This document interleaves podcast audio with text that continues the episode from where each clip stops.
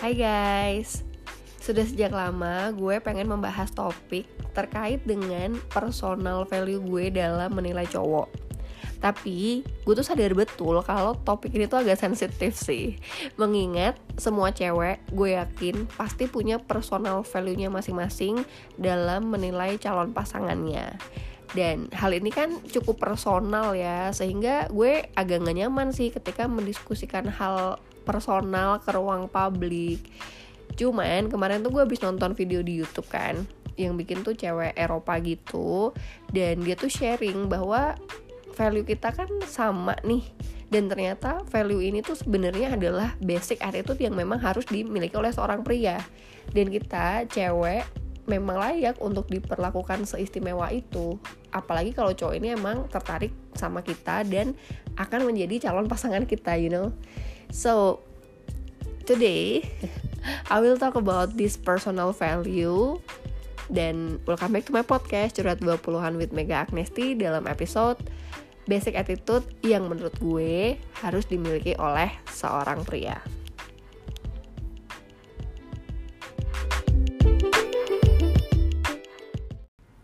Ketika membicarakan sosok pria berkualitas, gue yakin semua cewek pasti memiliki standarnya masing-masing. Nah, pembentukan standar tentang cowok berkualitas ini seringnya dipengaruhi oleh cowok-cowok yang berada di sekeliling kita. Dan pengaruh paling besar sih biasanya datang dari bokap atau misalnya kerabat pria lainnya kayak kakek, kakak laki-laki ataupun sepupu dan bisa juga berasal dari teman-teman cowok di sekeliling kita.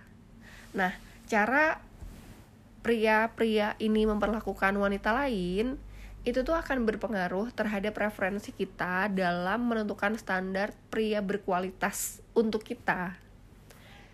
Sedikit uh, membicarakan mengenai referensi pria berkualitas di sekeliling gue.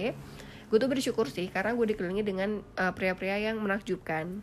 Bokap gue, kakek gue, teman-teman gue mereka semua memperlakukan gue dan wanita-wanita di sekelilingnya itu dengan sangat baik. Sehingga ketika membicarakan referensi gue punya banyak referensi cowok baik. Gue punya banyak referensi cowok berkualitas. Gue punya banyak gambaran bagaimana seorang pria memperlakukan wanita. Jadi gue punya banyak option ataupun gambaran tentang bagaimana seharusnya wanita diperlakukan oleh para pria ini gitu. Nah, sekarang yang pengen gue bahas sebenarnya adalah saat awal-awal ngedit sih guys, karena ya ketika lo mau menilai orang kan pasti stage awalnya adalah saat lo mau ngedit ini dan masalah awal yang sering terjadi biasanya adalah sebelum ngedit, selama ngedit, dan setelah ngedit. Kemarin gue upload tiga pertanyaan simpel di instastory gue dalam bentuk polling untuk mengetahui seperti apa sih dating scene kalian. Walaupun pertanyaannya simpel, tapi buat gue ini tuh sudah menunjukkan indikasi mengenai kualitas cowok yang ngedate sama gue.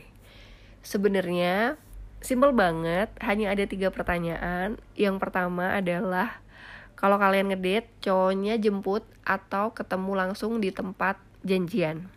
Yang kedua, pas first date or any other date, siapakah yang pay the bill?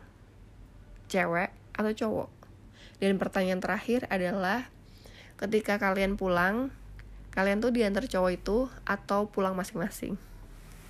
Nah, sebenarnya simpel kan? Tapi dari tiga hal ini tuh gue sering kali sudah bisa menilai apakah cowok ini berkualitas atau tidak apakah cowok ini serius sama gue atau tidak apakah gue tertarik juga sama dia atau tidak dan pada akhirnya gue bisa menilai dia tipe gue gak sih gitu.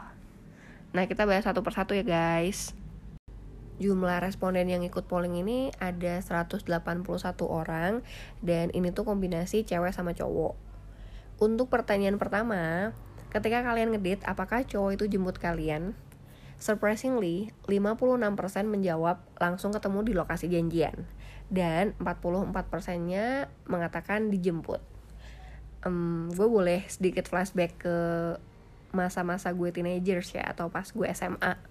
waktu gue SMA tugasnya cowok yang mau ngedit sama gue bukan cuman jemput gue aja tapi dia juga harus turun dari kendaraannya masuk ke rumah gue ketemu orang tua gue untuk minta izin mau ngajak gue pergi dan memberikan detail mau pergi ke mana sama siapa aja pulang jam berapa. Cowok ini juga harus walk the talk. Jadi kalau misalnya dia janjiin ke orang tua gue akan sampai rumah jam 10 gitu ya maka sebelum jam 10 dia udah harus mengantarkan gue sampai di dalam rumah dengan selamat. Baru orang tua gue akan ngasih kepercayaan ke cowok ini untuk ngajak gue ngedit selanjutnya tapi justru ya rules ini tuh ke bawah sampai akhirnya gue gede. Sampai kuliah lah ya gue masih kayak gitu. Cuman waktu gue kerja mulai sedikit ada pergeseran. Karena waktu itu gue merasa gue harus sadar diri gitu. Karena kan gue tinggal di Jakarta Pusat tapi gue ngantor di Jakarta Barat.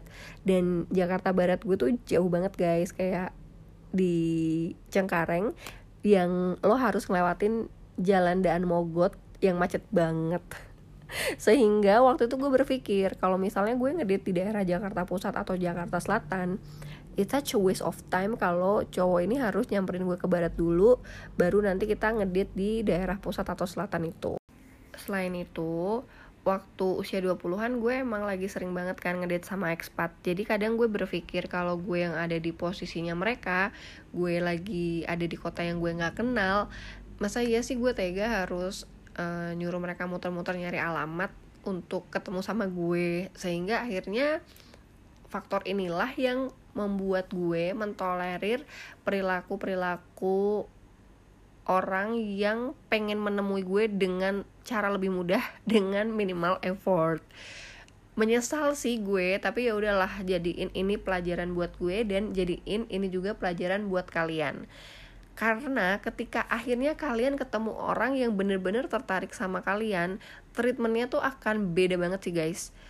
Nggak peduli kalian tinggal di mana nggak peduli kalian kerja di mana mereka pasti yang akan nyamperin kalian. Ini tuh terbukti banget waktu gue tinggal di Bekasi. Waktu itu gue dapet match Tinder tuh tinggalnya di Bintaro dan yang satu di Alam Sutra karena mereka tertarik sama gue jadi mereka yang insist untuk datang ke Bekasi jemput gue ya udah kita ngeditnya di Bekasi aja. Karena mereka nggak mau bikin gue Eh, nggak uh, nyaman. Mereka nggak mau bikin gue ribet harus ketemu di Jakarta. Sehingga yang satu emang punya kendaraan sendiri jadi dia yang nyamperin gue jemput gue di uh, rumah. Sementara yang satunya lagi tuh dia pakainya public transport dan dia don't mind loh dia nggak punya kendaraan dia pakai public transport dari Alam Sutra all the way ke Bekasi untuk ketemu sama gue. Dan ini nggak cuma sekali. Gitu. Hmm, dan pada akhirnya nih karena awalnya kan gue mentolerir nih untuk ketemu langsung di tempat janjian kan gue ketemu cowok-cowok lain yang tertarik sama gue ya. Mereka tuh emang jemput-jemputin gue mau rumah gue di Jakarta Pusat mau kantor gue di Jakarta Selatan mereka tinggalnya jauh. But they did it. So the thing is dari usaha jemput menjemput aja lo tuh sebenarnya udah tahu level of interestnya pasangan lo tuh calon pasangan lah ya calon pasangan lo tuh seperti apa gitu. Gue sih kadang suka sedih ya kalau ngelihat orang mau janjian ketemuannya tuh di ujung gang karena cowoknya terlalu chicken untuk ketemu orang tua tuh cewek untuk izin ke orang tua tuh cewek uh, ngajak pergi anaknya. Tapi gue nggak sepenuhnya menyalahkan cowok itu. Kadang kita juga sebagai cewek membiarkan hal itu terjadi. Kita juga membiarkan cowok-cowok itu memperlakukan kita di level yang very low. Karena kita takut sendirian karena kita takut untuk uh, miss our chance untuk punya pasangan. Dan girls ketika kalian memperbolehkan cowok-cowok ini memperlakukan pada level itu untuk bisa naik ke level yang lebih tinggi kalian tuh harus effort lagi gitu kan. So set your standard high. It's okay. Kalau emang cowok itu tertarik sama kalian dia pasti akan usaha semaksimal mungkin. Apalagi ini masih di tahap awal kalian ngedit di tahap awal uh, kalian saling mengenal. Pasti cowok itu dengan sendirinya pengen membuat impresi yang bagus terhadap kalian. Dia pengen menunjukkan bahwa memang dia serius gitu. Makanya uh, dia berusaha untuk attract kalian dia berusaha untuk menunjukkan bahwa dia cowok yang berkualitas. Salah satunya adalah dengan inisiatif untuk menjemput kalian saat ngedit kadang gue memberikan pengecualian. Misalnya nih kayak gue uh, tinggalnya di dekat Monas terus si cowok ini dari Pancoran terus kita mau ketemu di tengah-tengah di GI gitu kan. Nah daripada dia harus jemput gue ke Monas dan kena macet kadang gue membiarkan untuk langsung ketemu di GI and I don't mind. Tapi lain waktu setiap kita janjian gue minta dijemput di kantor and he did it tapi pengecualian itu gue buat dengan melihat situasi dan kondisi gue bukan situasi dan kondisinya dia. Menurut gue jemput menjemput ini tuh basic attitude banget sih guys. Jadi emang minimal requirementnya harus seperti itu. Karena gue pernah nih uh, mentolerir orang yang udah beberapa kali ngedate sama gue. Awal-awal ngedate dia selalu jemput gue kan. Tapi pernah nih sekali dia minta langsung janjian di tempat ketemu karena waktu itu emang gue lagi nggak di kantor nggak dari kantor gue habis habis training dari somewhere gitu ya udah gue mengiyakan untuk langsung ketemu di tempat janjian. And you know what? Di ketemuan berikutnya dia langsung minta ketemuan di tempat janjian. Gue udah ngerasa red flag sih waktu itu karena gue ngerasa loh kok level of service-nya dia mulai menurun gitu. Apakah ini berbanding lurus dengan level of uh, ketertarikan dia terhadap gue dan ternyata benar gitu loh ketika gue sekali mengizinkan dia untuk memperlakukan gue se rendah itu maka selanjut selanjutnya ya dia akan berada di level itu. Dan untuk menaikkannya tuh akan susah. Sementara gue tipikalnya maunya diperlakukan dengan sangat baik sehingga ya akhirnya nggak ketemu. Dan I'm okay with it karena memang dia tidak bisa keep up sama standar yang gue inginkan sebenarnya kuncinya gampang sih guys. Kalau emang cowok ini tuh tertarik sama lo dia pasti akan memperlakukan lo dengan sangat baik. Dan jemput menjemput ini bener-bener basic requirement yang harus dilakukan cowok saat ngedate. Sehingga lo layak untuk mendapatkan basic treatment itu dan cowok kalau emang dia tertarik sama lo dia pasti akan going extra miles. Dia pasti akan memperlakukan lo dengan sangat baik dia pasti akan berusaha membuat lo nyaman karena dia butuh untuk memberikan impresi bahwa dia cowok yang berkualitas. Dan kita sebagai wanita udah selayaknya kita mendapatkan perlakuan spesial atau istimewa dari orang yang tertarik dan suka sama kita. Jangan takut dikatain ribet atau nggak fleksibel hanya karena masalah jemput-jemputan gitu. Karena percayalah ini tuh bener-bener basic requirement banget. Dan biasanya sih sebenarnya yang membuat kita takut bukan dikatain ribet atau nggak fleksibel tapi kita takut untuk kehilangan kesempatan mendapatkan pasangan gitu loh. Cuman kalau kalian dapat pasangan tapi pasangannya ternyata di bawah standar kalian ya buat apa? Dan menurut gue balik lagi ya ke personal value masing-masing. Kalian apakah setuju sama gue atau tidak? Kalau nggak setuju juga nggak masalah. Tapi kalau gue memang gue tipenya yang minta diperlakukan seperti ini. Kendaraan tuh juga seharusnya nggak menjadi masalah lo guys dalam jemput menjemput ini. Karena gue pernah ya jalan sama cowok yang waktu itu dia masih pakai motor gue pakai mobil. Dia itu nggak ada rasa rendah diri karena dia pakai motor. Dan dia nyamperin gue pakai motornya terus dia nanya kamu mau pakai mobil atau pakai motor? Kalau pakai motor ayo kita jalan. Kalau kamu pakai mobil aku izin taruh motor aku di sini aku setirin kamu. Itu menurut gue udah menunjukkan bahwa dia such a gentleman. Memberikan opsi dan memberikan solusi of course gue tipe orang yang suka didominasi dalam relationship maka cowok seperti itu langsung masuk ke dalam oke okay, boleh diajak ngedate lagi. Terus gue juga pernah uh, jalan sama cowok yang nggak punya kendaraan. Dia datang ke tempat gue dia jemput gue dan kita jalan kaki menuju tempat makan. Menurut gue itu hal yang romantis sih. Justru ketika lo bisa membuat suasana jadi lebih menyenangkan ketika lo nggak punya banyak opsi gitu ya. Menurut gue lo dituntut untuk lebih kreatif dan gimana caranya membuat suasana lebih berharga ya menurut gue. I don't know. Tapi gue cukup appreciate sih sama tipikal cowok yang seperti ini gitu. Dan mantan pacar terakhir gue juga di Jakarta dia udah nggak punya kendaraan karena dia uh, lately lagi sering di Malaysia gitu ya dan waktu dia nggak punya kendaraan pun dia tetap jemput-jemput gue. Ya kan? Ada yang namanya Uber waktu itu ada yang taksi ada ya you get a lot of option lah dalam jemput-jemputan ini. Jadi ketika lo nggak punya kendaraan itu bukan alasan sih untuk nggak jemput ke pasangan lo ataupun ke calon pasangan lo gitu. Ada satu orang yang bikin gue ilfeel sebenarnya karena menurut gue ya dia nggak berpikir banyak opsi aja gitu. Dia terlalu sempit pikirannya. Waktu itu dia bilang dia nggak punya kendaraan and I don't mind with it. Lo punya kendaraan atau enggak itu adalah sebenarnya personal option lo dan ya gue nggak masalah ketika lo memiliki personal value seperti itu gitu. Yang jadi masalah adalah ketika lo nggak kreatif untuk ngajak gue ngedate jadi dia mau ngajak gue ngedate hmm, dan dia nggak tahu where to go padahal dia anak Jakarta terus dia bilang gue nggak punya kendaraan jadi gue harus gimana? Ya masa harus gue yang mikir sih? Kan lo juga bisa mikir kan? Lo tahu gue tinggal di mana lo tahu kantor gue di mana lo bisa ya uh, naik kereta gitu misalnya ke tempat gue karena gue di pusat kan. Dan lo misalnya nyamperin ke gue nya bisa pakai gojek. Terus nanti kita jalan bareng Eh, ke suatu tempat jalan kaki gue nggak masalah. Mau pakai kendaraan umum pun gue juga nggak masalah. Gue hanya butuh lo ada di depan rumah gue. Sementara dia kayak mikir gue gimana ya cara menuju ke sana and everything? Yang ada udahlah uh, itu chat terakhir gue sama dia.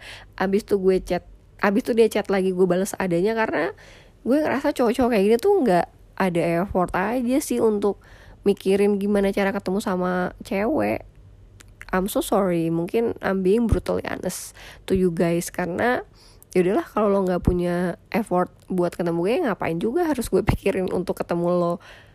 Kita sebagai cewek inget ya harus punya um, konsep diri yang kuat. Dan menurut gue ketika ada orang pengen ngedeketin lo ya bukan tugas lo untuk mikirin gimana caranya kalian ketemu tapi orang itulah yang harus memecahkan sendiri masalahnya.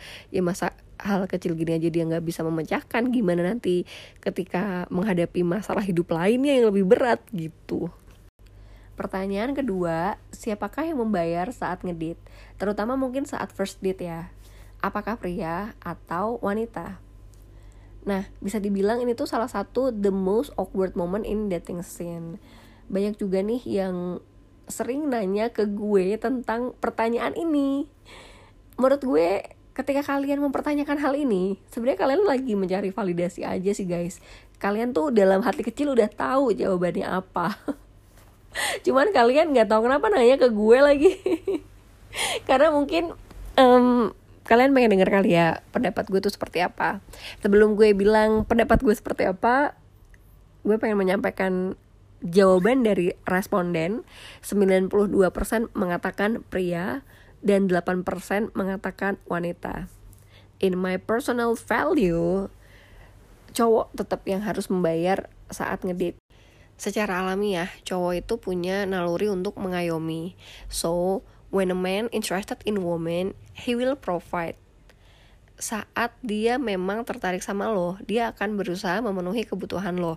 Dia akan merasa perlu untuk membuat lo nyaman. Dia akan selalu ingin membahagiakan lo. Maka ini tuh bisa terrefleksi dari the way dia treat lo saat first date dengan membayar bill tersebut. Cara cowok-cowok terdekat gue memperlakukan gue kayak bokap, kakek, dan teman-teman gue yang laki merupakan pedoman dasar dalam gue menilai cowok bokap sama kakek gue ya of course mungkin karena ada hubungan darah ya. Jadi ya nggak akan membiarkan gue untuk membayar tagihan gitu untuk tagihan makan kita gitu. Tapi gue juga melihat itu dari teman-teman gue yang laki. Mereka itu tipikal yang tidak mengizinkan gue untuk membayar saat kita jalan bareng. Karena mereka akan merasa keberatan banget kalau gue yang ngeluarin uang. Nah dengan perlakuan seperti ini dari orang-orang di sekeliling gue of course ini yang gue jadikan pedoman saat gue menilai cowok yang ngedate sama gue nggak perlu nunggu jadi orang kaya supaya kalian bisa menjadi seorang gentleman. Kalau misalnya kalian punya keterbatasan budget, ini tuh hal yang bisa banget dikomunikasikan dengan pasangan atau calon pasangan kalian. Keterbukaan dan juga being honest itu bisa menjadi salah satu indikator healthy relationship. Kalau misalnya kalian nih punya keterbatasan budget ya udah nggak usah ke tempat yang fancy, cukup ke tempat yang memang bisa kalian jangkau. Gue pernah kok mengalami hal kayak gini. Jadi si cowok ini mungkin secara finansial uh, di bawah gue. Tapi dia being honest bahwa budget gue terbatas ya. Kita pergi ke tempat ini aja yuk. Waktu itu dia ngajak gue ke Jeko. Ada juga yang ngajak gue tuh ke Gultik. Dan ya gue fine fine aja. Karena emang dia udah kasih info di awal kita ke Gultik ya. Dan ya udah outfit yang gue pakai pun ya casual gitu. Terus di awal-awal gue kerja juga nggak langsung ngedate di tempat-tempat fancy kok guys. Gue ke bubur barito gue diajak makan sate di Panglima Polim. Hmm, mana lagi ya? Dan setelah gue kenal sama cowok ini beberapa saat baru deh dia sekali pernah ngajak gue ke tempat yang fancy gitu. Um, dan gue ya don't mind dengan itu gitu loh. As long as keper kepribadiannya bagus uh, dia memperlakukan gue dengan sangat baik juga dan kita klik gue nggak akan mempermasalahkan kok lo ngajak gue ke mana gitu. Kalau memang budget lo cuman bisa dipakai untuk makan gultik ya kenapa enggak? I'd be so happy as long as I'm with you tapi itu tadi tunjukkan bahwa lo memang bisa provide gitu. Kalau cuman ngedit aja dia nggak bisa provide ya gimana dia bisa provide kebutuhan lainnya gitu loh guys. Nah tapi misalnya kalian udah menjadi pasangan ya ganti-gantian saat ngedit bayarnya itu juga nggak masalah. Terus kalau misalnya nih first date uh, dia udah bayarin dinner dia udah beliin tiket nonton ya it's okay kalau lo sebagai cewek beliin popcorn atau beliin minuman. Itu tetap itu tetap apa ya menjadi opsi yang terbuka kok. Cuman memang ketika pertama kali dinner menurut gue tetap harus cowok yang membayar. Karena kita sebagai cewek juga nggak cuma ngelihat ketertarikan kalian keseriusan kalian tapi kita pengen ngelihat kalian tuh generous atau enggak well mungkin nggak semua cewek ya mungkin gue aja. Tapi itu tadi cara gue menilai cowok. Dan sepertinya ya gue lupa. Mantan pacar gue yang terakhir itu kayak selama gue ngedit sama dia gue cuman kayak bayar sekali atau dua kali gitu loh. He always provide everything for me. Gue nanya ke beberapa cewek yang menjawab bahwa yang bayar bill saat ngedit adalah wanita. Kenapa mereka melakukannya?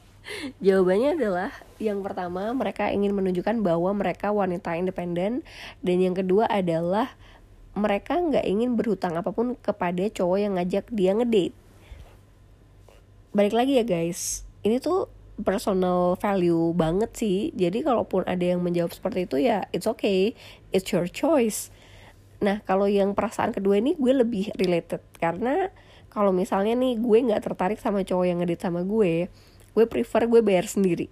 Atau misalnya gue bayar semuanya karena gue nggak ingin merasa berhutang apa pun kepada dia tapi ya udah that was our first and last date Speaking of independence woman, gue paham banget sih guys kalau kalian tuh ada rasa ingin mandiri karena kalian juga punya uang sendiri, you can pay the bills.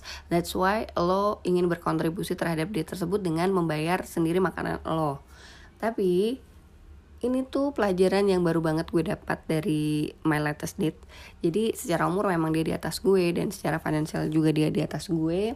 Um, he tell me this I know that you're such an independent woman but let me treat you just like a woman. I mean ya aku suka sama cewek yang independence tapi untuk kayak gini let me take care for you. Dan somehow ya um, gue tuh let my guards down karena uh, ya yeah, well being independent woman very nice is very nice. Tapi ketika lo menemukan cowok yang bisa um, memperlakukan seorang independent woman jauh lebih baik lagi kayak you know he did it bukan karena dia respect your your woman gitu. Justru karena lo independent woman justru dia lebih put more respect on you. Dan dia memperlakukan lo seperti itu karena dia merasa you deserve this kind of treatment. So please please um, during the date please let me treat you. Karena memang you deserve it. Um, and I did it because I respect you.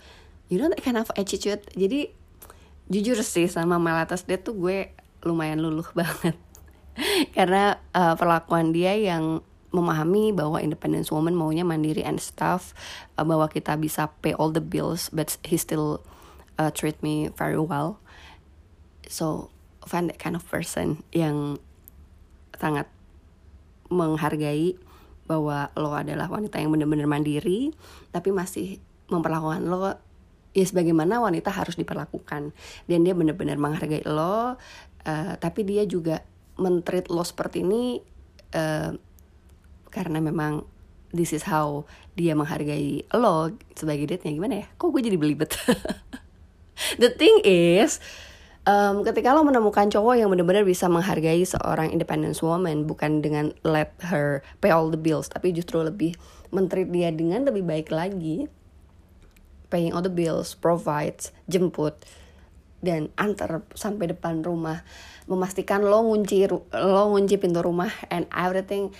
I feel like wow, um, it's very rare ketika gue bisa menemukan cowok yang seperti ini. Tapi memang karena usia sih guys, kayak dia tuh jauh banget sih usianya di atas gue, sehingga memang pada akhirnya yang bisa membuat kita melted sama cowok adalah ini tadi sifat-sifat yang sweet bahwa dia tahu kita wanita yang terbiasa mandiri dan membayar semuanya sendiri tapi he didn't let us dan dia do it out of respect gitu. Demikian yang bisa gue sampaikan terkait dengan personal value gue dalam menilai seorang pria. Yang perlu kalian ingat, cowok itu basicnya adalah seorang hunter jadi kalau emang dia interested sama seorang wanita kalau emang dia segitu pengennya memiliki lo dalam hidupnya dia pasti akan do his best effort untuk mendapatkan lo. Jadi never settle for less. Kalau misalnya kalian ketemu cowok yang well quite good tapi ternyata the way he treats you is below your standard ya jangan dipaksain gitu. Karena ketika kalian low atau menerima perlakuan cowok itu yang di bawah standar kalian untuk leveling upnya tuh akan susah karena emang ya udah dia ada di situ dan dengan his regular effort aja bisa ngedapetin lo yang ngapain harus uh, leveling up gitu. Um, gue pernah kok jalan sama cowok yang secara tingkat perlakuan atau level of service dia ke gue itu below my standard. Tapi gue lihat dia konsisten dan dia persisten banget. Jadi setelah enam bulan akhirnya gue uh, mengiyakan untuk jadi pacarnya dia. Um, tapi memang nggak semua cowok memiliki capability atau uh, pengetahuan bahwa this is how you treat a woman. Sehingga akhirnya ketika enam bulan dia ngedeketin gue itu ya gue kasih tahu dia uh, this is the way you should treat me gitu. Dan dia pernah frustasi dia sampai bilang ya gue tahu sih lo tuh maunya diperlakuinnya yang spesial banget yang istimewa uh, people take you to dinner narikin kursi buat lo, dinernya juga di fancy place, ngajak lo liburan pun harus mikirin uh, hotelnya yang nyaman. And I was like, yeah, that's true. tapi terus uh, walaupun dia frustasi dia terus menunjukkan ke gue bahwa he make it improvement. Dia kayak gitu karena emang dia belum pernah ngedeketin cewek yang mungkin secara kemampuan finansial di atasnya dia gitu. Um, ya dan setelah kita into a relationship he provides me everything. Walaupun pada akhirnya kita juga harus berpisah sih but um, that's a very nice experience yang pernah gue buat karena dia yang dari nggak tahu cara memperlakukan wanita sebaiknya seperti apa sampai akhirnya bisa menjadi such a gentleman. Um, kadang ya gue tuh pernah juga mendapatkan curhat dari orang bilang gini kak gue tuh udah pacaran sama dia waktu dia susah. Uh, sebenarnya dia nggak aslinya nggak dari keluarga yang ekonominya uh, middle low gitu. Dia sebenarnya middle up. Tapi waktu itu dia lagi dihukum nyokapnya jadi dia nggak dikasih uang jajan banyak banyak sehingga akhirnya pas kita ngedate kita split bill atau gue bayarin dia. And I was like dude how come lo melakukan itu ke diri lo sendiri? Gitu. You didn't value yourself. You don't know your self worth jadi um, gue juga mau curhat ya sedikit nih kesalahan gue waktu gue kuliah gue pernah jalan sama cowok um, sama dia juga dari middle up gitu. Terus waktu itu dia lagi dihukum nyokapnya karena well we did stupid mistake waktu itu di Facebook. So dia dihukum nyokapnya uang jajannya dikurangi. Sama sama kayak ceritanya si cewek tadi uh, dia akan ngajak gue jajan ke tempat yang dia bisa afford dan well it is not my regular place. Terus kalau misalnya uh, kita datang ke regular place gue gue yang akan pay for him. Terus gue kayak mikir I cannot live like this gitu loh. Um, ya pada akhirnya ketika lo itu tadi menerima perlakuan cowok yang sebenarnya di bawah standar lo it is your choice. Dan untuk mengharapkan dia berubah ya susah gitu. Kalau lo selama ini bilang bahwa gue mendampingi cowok ini waktu susah tapi waktu dia udah sukses dia ninggalin gue ya yeah, because you allow that kind of behavior gitu. Uh, dan ya ketika dia punya duit of course dia akan mencari cewek yang menurutnya uh, levelnya lebih tinggi. Itu udah apa ya kayak cerita lama aja gitu. Karena lo me, me, me lo apa sih mengizinkan cowok-cowok ini um, treat lo very bad.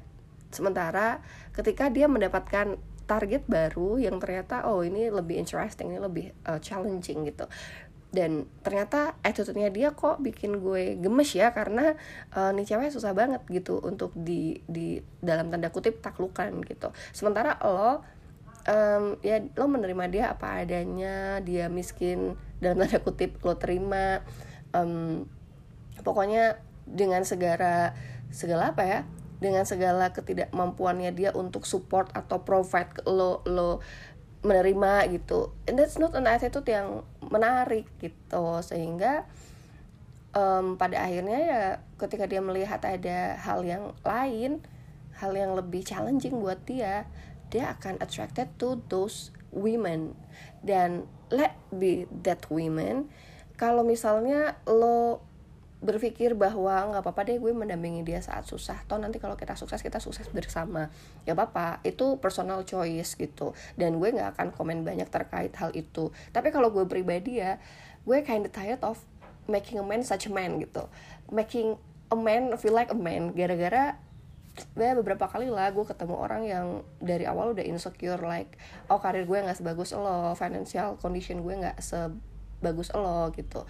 Dan mereka making excuses aja kalau ngomong kayak gitu. Menurut gue ya if you are a man you show me that you are capable of dating me. Dan dating gue tuh nggak nggak susah. Money itu sebenarnya adalah urusan yang very basic dan very simple. Karena di atasnya provide me uh, with such of material thing ya masih ada yang lebih berat lagi yaitu support secara emosional gitu. Dan kalau hal yang basic aja lo nggak bisa memenuhi gimana lo bisa memenuhi advance need gue? Ya yeah, but that was my two cents. Uh, kalian boleh untuk tetap stay sama cowok yang ternyata perlakuannya atau memperlakukan kalian di bawah standar kalian. Um, tapi know your self worth you are worth it you are priceless, you are precious. Jadi jangan biarkan cheap man memperlakukan kalian dengan buruk hmm, hanya karena mereka nggak mau mengeluarkan effort yang lebih besar aja. This is not how I taught you being a materialistic woman, but lebih respect sama diri lo sendiri, lebih tahu self worth lo. Jadi lo jangan mau diperlakukan orang atau cowok yang lagi ngedeketin lo um, dengan apa ya very minimum effort. Kalau mereka emang mau lo dalam hidup hidupnya mereka mereka harus leveling up the game um, dan mereka harus mengeluarkan their maximum effort. Because you worth it because you deserve it. We women cowok harus treat kita such a queen. Karena kita pun akan all out ketika kita mencintai pria kan. Jadi kalau kalian pengen mendapatkan um, equal partner ya let them chase you as much as he can. Ya memang ada sih cowok yang dari susah sampai akhirnya dia sukses stay sama satu orang. Bahkan ini seorang Pablo Escobar gitu. Pablo Escobar ini dulunya miskin banget uh, akhirnya dia menikah sama istrinya kalau nggak salah namanya Maria. Dan ketika dia kaya dia nggak ninggalin Maria gitu. Dia punya banyak sugar baby aja. Nah pernah waktu itu di film Loving Pablo salah satu sugar babynya itu menceritakan kalau uh, dia kayak menjelek-jelekan istrinya lah ya. Dan Pablo ini seseorang yang sangat respect sama istrinya. Dia bilang walaupun gue cheating ya tapi lo jangan pernah jelek-jelekin istri lo depan gue. Dia yang menerima gue apa adanya dia yang mendampingi gue dari gue miskin sampai gue sukses sekarang yes gue punya banyak uh, girlfriends. Tapi itu tidak mengurangi rasa cinta gue, rasa hormat gue sama dia karena dia mendampingi gue dari gue susah sampai kayak sekarang. Do not ever mess with my wife. Dia bilang gitu sih dan. Gue ngerasa wow emang ada orang yang appreciate seorang wanita yang nemenin dia dari zaman susah sampai dia sukses gitu. Tapi satu dari sekian sih menurut gue. Nggak banyak lah ya. Kalau dipikir-pikir rasionya mungkin nggak sebanyak itu. Um, tapi semua itu juga kembali ke kualitas cowok kok. Kalau misalnya emang cowok itu worth it cowok itu qualified cowok itu emang um, terhadap apa yang dia sampaikan di awal hubungan it won't happen. So the choice are yours ladies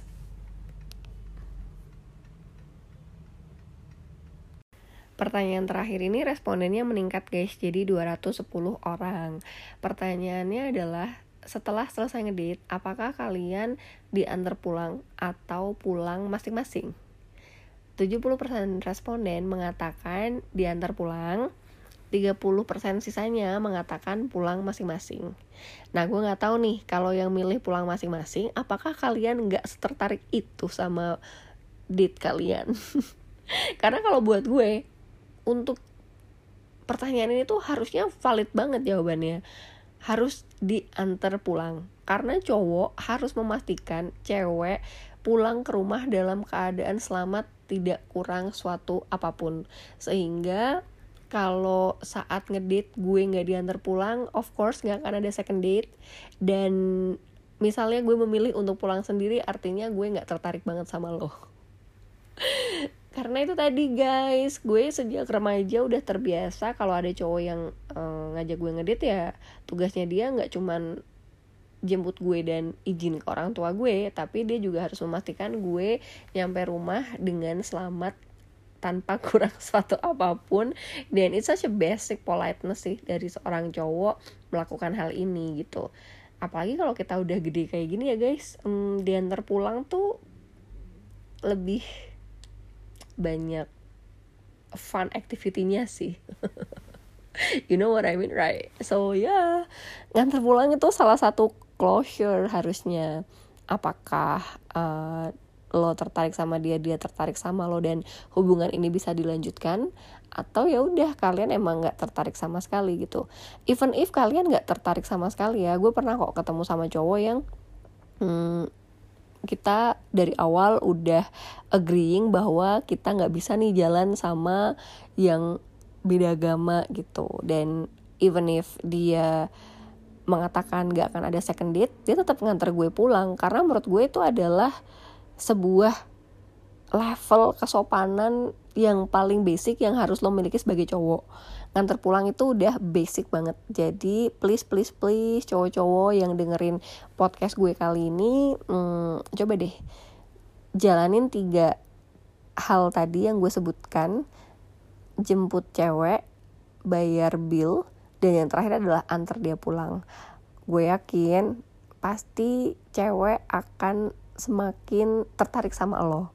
Dan kalian pun cewek kalau misalnya ngedit please ini tuh basic requirement banget sih. Sehingga kalian harus menempatkan diri kalian sebagai posisi wanita itu harus diperlakukan dengan baik oleh cowok. Dan apalagi kalau cowok itu tertarik sama lo ya harusnya dia memperlakukan lo nggak cuman seperti princess tapi seperti queen karena memang you deserve it so start from now love yourself know your worth dan never settle for less karena sudah selayaknya cowok memperlakukan wanita dengan baik dan semua wanita layak mendapatkan perlakuan baik dari orang-orang yang tertarik atau suka sama dia.